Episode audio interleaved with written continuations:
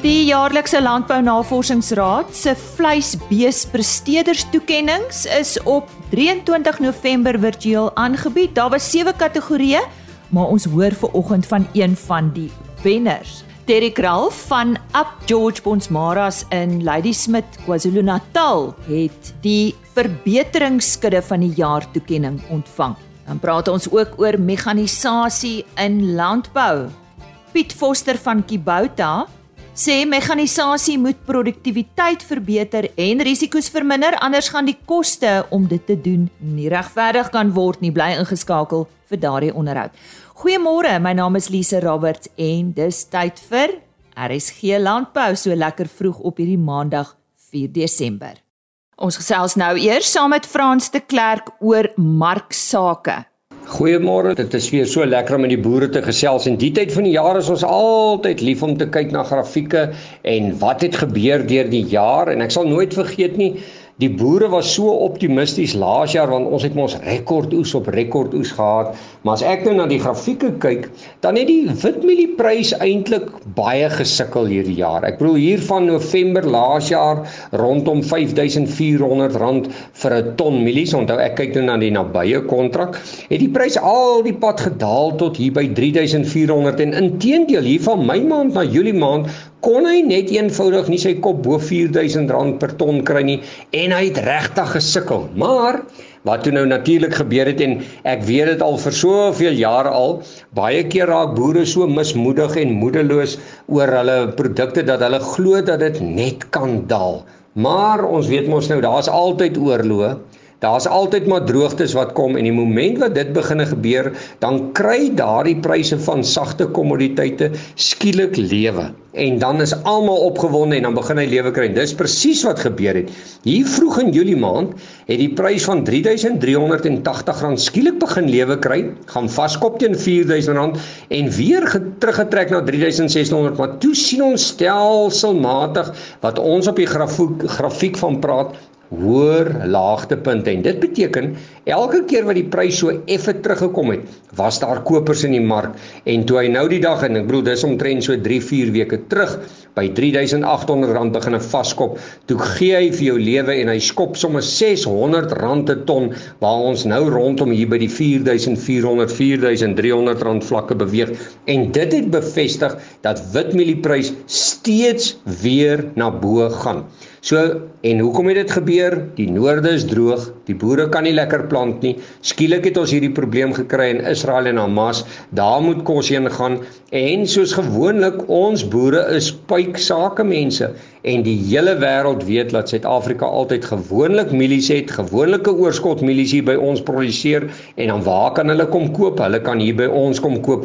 Dis wel 'n probleem by die hawens um, om die mielies uit te kry, maar die prys het pragtig geskop. Maar nou wil ek vir boere waarsku, onthou nou alles is nou in die guns van die mielieprys.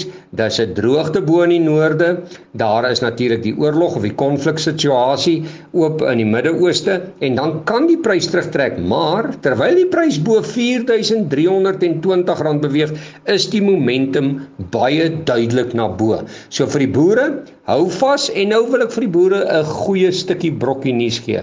Wanneer jy mismoedig is op die plaas, wanneer jou pryse nie lekker loop nie, onthou altyd, daar gaan altyd 'n kostekort wees. Daar's altyd mense wat moet eet. Daar's altyd 'n droogte of 'n oorlog of iewers iets wat kan gebeur om jou ehm um, amper kan jy sê jou batekluster kan bevoordeel. En wat het Witmielies gedoen? Hy het presies dit gedoen. Hy het eenvoudig begin skop en lekker lewe na boontoe gegee. En natuurlik die rand het verswak maar ek dink die droogte situasie het die witmielieprys sommer behoorlik aan die gang gesit en skielik lekker lewe gegee. So vir die boere, baie dankie vir altyd julle wonderlike oeste, maar natuurlik ook Ehm um, klou aan julle milies terwyl hy daar op daai vlakke is, maar moet natuurlik nie gierig wees nie. Moenie nou dink hy kan teruggaan 5-6 toe nie. Hy kan dalk vaskop hier by 4-6 en dalk eers 'n bietjie terugtrek sodat ons weer in die nuwe jaar kan hard werk sodat hy weer hoër hoogtes kan bereik. So 'n bietjie later is Frans de Klerk terug met 'n kykie na koring. Die jaarlikse Landbou Navorsingsraad se vleisbeespresteerders toekenninge is op 23 November virtueel aangebied. Wenners in sewe kategorieë is aangekondig.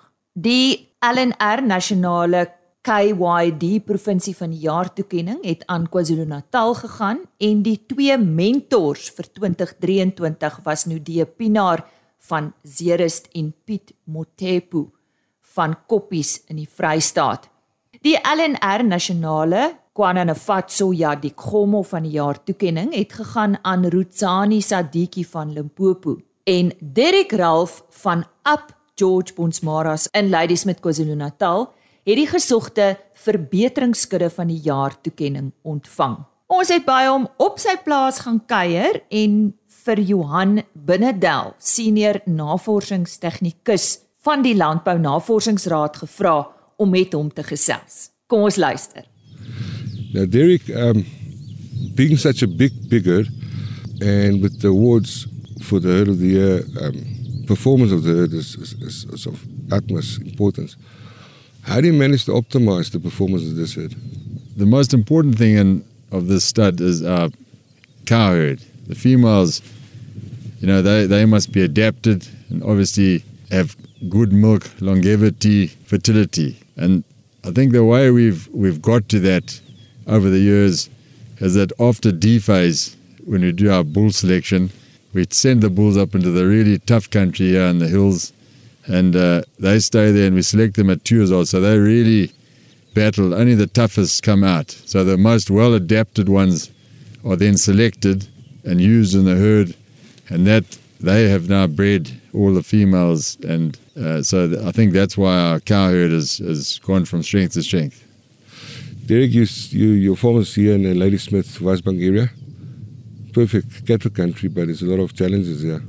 What is your main key uh, management practices that makes you being a success as a cattle farmer? Well, Jan, we, we, we are in the tall, moist grassveld area of Natal, which is very limited, but it is the one of the sought after cattle areas. But with that, we do have 900 millimeters average rainfall and above in these last couple of years, which leads to a lot of diseases, uh, especially ticks. That is, you know, hot water, uh, hot water, we're just off the edge, but six is red water. Uh, that is very bad. You know, the, some of the chaps that sell that uh, all the dips and stuff, they, they say that we're in the gym of ticks here. You know, our cattle are adapted. We don't dip often. We only dip when we see a lot of ticks, when it's looking unsightly. Yeah, so with with that, we, our farm is steep as well, very rough. The, the, the, the cattle have got to climb the hills to find some grass. And here we just mainly felt with a lick. That is how the cattle grow up here and are, are carrying on. Yeah, so it's just it's just uh, our management. We pretty much, uh, and myself, we pretty much hands on. You know, we go with that um, saying, the, the eye of the master fattens. So we pretty much with the cattle all the time, working with the cattle. You know, if there's vaccinating or dipping or whatever to do, dehorning, we're all is present, we're all is supervising. Probably don't delegate enough. That's why we're always over busy. But in doing that, you can see your cattle yourself. You can see problems. You can see which ones are good ones, bad ones, if you're breeding the right type or whatever. So it does help to be right there, you know, attending to the situation firsthand. Derek, I know that um, the Bosmara is compulsory to do performance testing, but I would like to know um, how does how does performance testing impact on your work? How do you how do you use uh, performance testing, and how has that had an effect or will have effect in the future? You building a herd for the future. No, and it, it's uh, performance testing is very important, you know, to measure the cattle, and measuring your your, you know, from your growth, fertility, um, birth masses, milk, all that sort of stuff. We, we, we like to measure so we can see if we're going forward, you know, get rid of the cattle that aren't keeping up with the rest. And our main thing is we, we eyeball, when we select cattle, we eyeball the cattle, but we, performance testing is, is, a, is another tool for selection, but mainly eyeballing. And uh, that's how we select. But usually the cattle that are, that are well adapted, that's our emphasis. They must be adapted to the environment. They are the ones who, whose performance is obviously good. So they'll also have, they will have those good figures. And uh, so that's, that, that for us is very important that, you know, everything goes hand in hand. Must, the animal must look good and it must have the good figures. Our growth must be good, but in a way that we have heavy animals, but they are short and thick set. You know, we, we're getting the weight through the, the width, length, and breadth. You know, we don't want those tall animals with long legs. So, although we know that in the in the EBVs, we still think the scientists must fix that up a bit. The, the maintenance value of an animal. You know, we've got cattle here that are heavy, but they just live on the grass with the lick. But their, their, their, their maintenance figure is not good. So there's some room for improvement there from the scientists. As far as uh, uh, young bulls are concerned, when, when we wean our calves, at that stage we select out the, the better bull calves and we put them on the D phase. Our D phase we do with in the ryegrass and with the added supplement of energy lick with hay on the kikuyu and ryegrass. We, we finish the, the, the D phase in end of October and then the stud book chaps come and do the measuring and weighing etc to get our uh, ADGs and then two senior inspectors will come from the Bonsmara Society. We'll do the inspection, visual inspection of them with the figures that we've had from the SA stud book, and then we select out the better ones. And from there, they'll go into the quite rough country. We, we, we don't put cars and calves there, but it's too rough. And the bulls run there for a year, and that's where there's also another selection. Only the hardy ones can um, come right there. You know, after that, you know, sort of like a two year old, we'll select out a whole lot and then we'll mainly the ones that are adapted. Those are the ones that you, you can pick out and they, they're looking the, the best and we use those ones in our herd every year. Yeah, I think it's important that, that when you get young bulls to, to, to have intensive phase D and, and, and run them to have the full potential of the growth. And when they grow, sort of had the full potential and then put them out and say, right, now you can fend for yourselves. I yeah. think that's a very good, especially in your area. Yeah, to obviously. That, to get that growth and get the hardiness in as well. Yeah. Those bulls that are, that are, they've got to be, everything's got to be good. And they will get through the system and become selected later on. Yeah, Derek is a very recognized, a very accomplished stockman and stud breeder. Recognized in the industry. We see it in your sales figures. We see it in your farm. We see it in your blood. Do you provide leadership and guidance to fellow farmers and um, future farmers? And how do you do it? Yes, no, there's there's a lot of young chaps, young farmers, young emerging farmers that uh, we we give advice more. It's more one on one. The chaps come out to the farm here and we we show them our cattle, we show them our system, what our management systems and everything. I sometimes go to their farm, talk, advise them on you know, their cattle, where they're going wrong or right, etc. The chaps who will also help them with semen and or young bulls. There's some young farmers, young commercial farmers that are short of cash, and we'll, we'll, we'll give them some young bulls. And uh, it's always good to see another chap's form and and see how he's going there as well. You know, obviously there's going to be a shortage of food in the long run in the years to come, and food, maize, etc., is going to be used for human consumption. The cattle have got to thrive on the grass. So we got to breed an animal that can do well on grass with a lick. And uh, that's what we, at the end of the day, are trying to strive for. And that's the advice we're giving to not only stud breeders, to other commercial breeders as well, to try and improve their farming enterprise, you know, mainly for the whole meat industry, to, to try and improve it. Dis dan Johan Binnedal, senior navorsingstegnikus van die Landbou Navorsingsraad wat met Derek Ralph van Up George Bonsmaras in Ladysmith KwaZulu-Natal gesels het. Derek het vanjaar tydens die LNR se vleisbees presteerders toekenninge die gesogte verbeteringsskudde van die jaar toekenning ontvang. Ons sluit nou weer aan by Frans de Klerk. Ongelukkig by die koring is dit letterlik 'n kwessie van die prys sukkel hardnekkig om eenvoudig na boontoe te gaan. En niemand sal kan glo dat hierdie prys al by R7000 gewees het hier nibbel naby aan Maart se koers. En wat gebeur het? Hy het al die pad gedaal en hy daal nog steeds en hy's nou rondom R5800 per ton. Nou vir boere wat natuurlik 'n enorme probleem het met insette want die insetkoste het nie gedaal nie. Inteendeel, die insetkoste het in hierdie jaar hoër gegaan want inflasie is nie net vir die ou op die straat wat kos koop nie. Inflasie is ook vir die boer. Het sy in diesel, het sy in implemente wat duurder word, maar nou wil ek vir boere sê, hierdie prys van die koring is totaal totaal oorverkoop. Hy lê teen die grond. Hy wag net vir 'n klein bietjie positiwiteit, dan kan hierdie prys aan die gang kom en My eerste teken van sterkte gaan wees bo 5960 en onthou dit is nou op 'n weeksluit.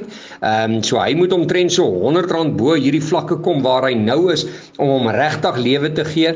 Maar vir my is daar iets baie belangriks. Hy beweeg onder die 50 dae bewegende gemiddelde en daardie 50 dae bewegende gemiddelde wag eers by 6081. Bo 6081 gaan die sentiment rondom koring verander van negatief na positief. Nou die 50 dae bewegende gemiddelde word wel bekend gebruik vir middeltermyn of kom ons sê mediumtermyn beleggers wat na 'n aandeel kyk of na 'n prys kyk en as hy onder daai 50 dae bewegende gemiddelde is, dan weet hulle hulle moet versigtig wees maar as hy bo dit kom, kan hy opgaan en ons weet natuurlik daar's altyd droogtes in die wêreld.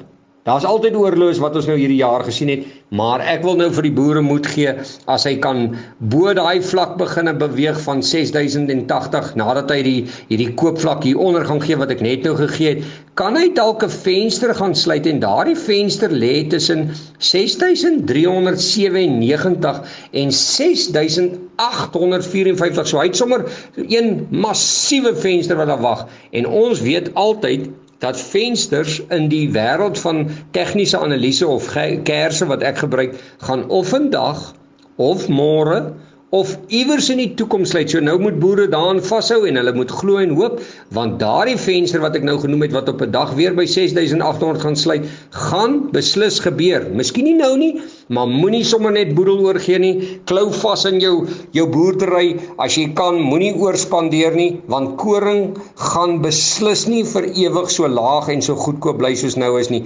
Witmielies het vir ons gewys wat hy wat doen as hy in die gang kom. Hy kan sommer met een klaps binne 'n paar weke sommer 'n behoorlike stygings van 25 of 30% gee. Dit gaan met koring gebeur. Dalk nie nou nie, maar hou by daai vlakke, maar vir my die groot vlak sal wees as hy daai 6000 rand per ton kan begin breek, gaan jy 'n ander prentjie begine sien in koring en dan gaan hy skielik skielik sommer lekker lewe na boontoe gee. Kom besoek gerus ons webtuiste www.fransklerk.com vir meer inligting en ons gesels weer. Ons volgende onderwerp van bespreking is meganiese beplanning. Nou, ons het uh, so 'n paar weke gelede ook met uh, Kibouta gesels. Kibouta is natuurlik deel van Smith Power Equipment en uh, vanoggend praat ek met Piet Foster. Nou Piet se spore lê diep in landboumekanisasie en strek oor 'n tydperk van 5 dekades dit wil daarom gedoen word. Uh, met so 'n lang geskiedenis is jy seker 'n uh, 'n getuigskrif van hoe landboumekanisasie verander het en waarskynlik steeds aan die verander is. Waaroor gaan dit in die mekanisering van landbou? Goeiemôre. Môre Lise en baie dankie vir die geleentheid om met jou en ons RSG luisteraars te kan praat. Ja, ek dink jy het sopas die geheim verklap dat ek nie meer so jonk is nie, maar dis opwindend om te kon beleef hoe landbou transformeer. Jy weet, ek het as kind in 1955 ervaar hoe my pa se spanne osse moes op sy staan vir die eerste trekkers. Nou die ou Oliver trekkers het nog eers hidroliese huisers gehad nie. En eintlik het hulle baie die span osse vervang op daai stadium. Nou is dit wat met mekanisasie bedoel word, sodat mens of dier vervang word met 'n masjien. Enige werktuig wat jou meer effektief kan maak, kan 'n bousteen wees vir van mekanisasie, maar dat 'n masjien 'n mens of 'n dier vervang is nie waaroor dit gaan nie. Die die kriteria of mekanisasie waarde toevoeg strek veel verder as dit. Weet 'n organisasie moet jou pro produktiwiteit verbeter en jou risiko's verminder. Anders gaan die koste om dit te doen nie geregverdig kan word nie. En ek dink nog belangriker is dat dit 'n beplande en 'n meetbare proses moet wees. Piet, maar hoe hoe doen 'n mens dit? Is daar 'n program wat vir 'n boer kan bereken wat hy alles benodig? Daar daar is nie 'n kort pad van druk 'n knoppie en die antwoord is daar nie. Vir 'n boer om te bepaal hoeveel en watter grootte trekkers hy benodig, is die twee eerste vrae: Watter bewerkings moet jy doen en hoeveel tyd is beskikbaar om dit te kan doen? Hiermee begin jy dan 'n uh, 'n aktiwiteitskaart saam te stel. Nou, wat is 'n aktiwiteitskaart? Die vertrekpunt sal normaal wees om op 'n kalender aan te dui wanneer jy byvoorbeeld met jou grondvoorbereiding moet begin, dalk eers dis en dan rip en kyk waar wat jou tyd gee vir jou toelaat. Kom ons sê uh, jy begin miskien in uh, September tot middel Oktober kan jy jou grondvoorbereiding doen en uh, en dan moet die moet die uh, die plantyd aanbreek. Die jou venster periode vir jou plant is gewoonlik korter. In party areas kan die afstypunt reeds einde November wees en dan moet die spuiter reeds reg staan. So in baie gevalle oorvleuel van die take, wil jy nog die een uh, kant grond voorberei, loop die planters al. En so is daar verskeie siklusse tot die uh, insameling proses begin. Maar die volgende oefening is om te kyk wat is die energievereistes op enige gegee oomblik op die werk te kan doen. En dit begin by wat het 'n werktuig werklik nodig om optimaal te kan werk. Nou 'n eenvoudige voorbeeld, 'n uh, grondbreker of 'n ripper soos ons in die boeretaal maar praat, uh kan dalk uh nou 18 kW per, per tand nodig. Nou die die tipe ontwerp, die werkdiepte, die grondtipe, al daai dinge speel 'n baie groot rol. Nou die vervaardiger vir die werktuig, hy daarom gewoonlik vir jou aan wat is die vereiste vir vir daai implement. Maar kom ons kom ons kom terug na die voorbeeld toe. Uh, uh ons het gesê kom ons sê die vervaardiger sê is 18 kW per, per tand en dan vermeervuldig jy dit bloot met die aantal tande van die implement en so jou 13 tand gaan dan vir jou 'n aandui dat jy 'n uh, 230 kW trekker waarskynlik sal nodig hê. Nou bepaal jy wat is die werkwyte van so 'n werktuig, die optelbare optimale werkspoed. Nou daar's 'n eenvoudige formule, dit is jou werkwyte wat jy meet in meter vir meervuldig met jou werkspoed wat in kilometer per uur is en die deel dit deur 10 en dan kry jy die potensiale uh, aantal hektaar wat jy per uur kan doen. Nou ja, as jy die die uh, weet hoeveel jy per uur kan doen, dan kan jy dit vermeervuldig met die aantal ure wat jy per dag effektief kan werk om by syfer te kom van wat daai kombinasie vir jou per dag kan doen. Maar ek lê hier net klem op wat ek sê wat jy effektief kan doen want jy moet 'n persentasie aftrek wat jy wat verlore gaan want die die die implement op die einde van die land elke keer moet daai op wennaker of jou planters volgemaak moet word of waar 'n breekbou vervang, vervang moet word. Nou dat ons weet wat is die werklik die werklikse daaglikse kapasiteit moet ons bepaal hoeveel werkte nodig is om elke taak betuislik te afhandel. Uh jy weet wat is die aantal hektaar wat jy wil bewerk? Jy deel dan die oppervlakte deur jou werktuig se daaglikse kapasiteit. Veronderstel die antwoord wat jy kry is 180 werksdae. En jou aktiwiteitskaart wys jy moet dit binne 90 dae afhandel. Dan is die antwoord mos duidelik, dan het jy twee implemente nodig van een gaan dit nie kan maak nie. Maar daar's ook bykomende faktore, jou jou reën daar, jou etenstye, herstel en onderhoud waarvoor jy ook voorsiening moet maak. Jy werk nie Sondag nie, so onthou om dit ook in ag te neem.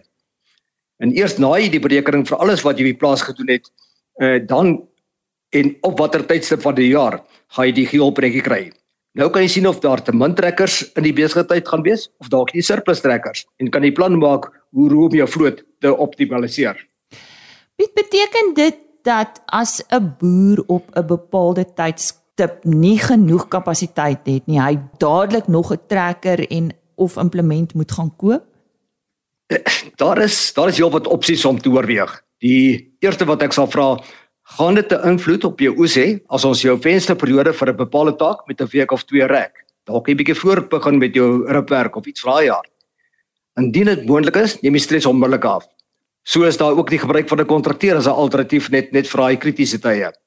In sommige gevalle sal 'n groter trekker en implementkeuse dalk die antwoord wees, maar net so kan 'n uh, eh, meer kleiner trekkers binne risiko's aanhou. Jy weet as 'n groter staan, staan baie. As een kleiner een staan, kan die res nog aangaan. As jy jou huiswerk doen, behoort tyd jou nie op die plaas in te haal nie, so sê Piet Foster en uh, natuurlik is die manne bytjie Bouta daar om hul kennis en ervaring met jou te deel. So kontak hulle gerus en die beste is uh die Kibouta webtuiste, Kibouta Suid-Afrika is www.smithpower.co.za en Piet Foster is 'n streekbestuurder vir Kibouta by Smith Power Equipment. Net weer daardie webtuiste www.smithpower.co.za. Totsiens. RSG Landbou is 'n plaas media produksie met regisseur en aanbieder Lisa Roberts.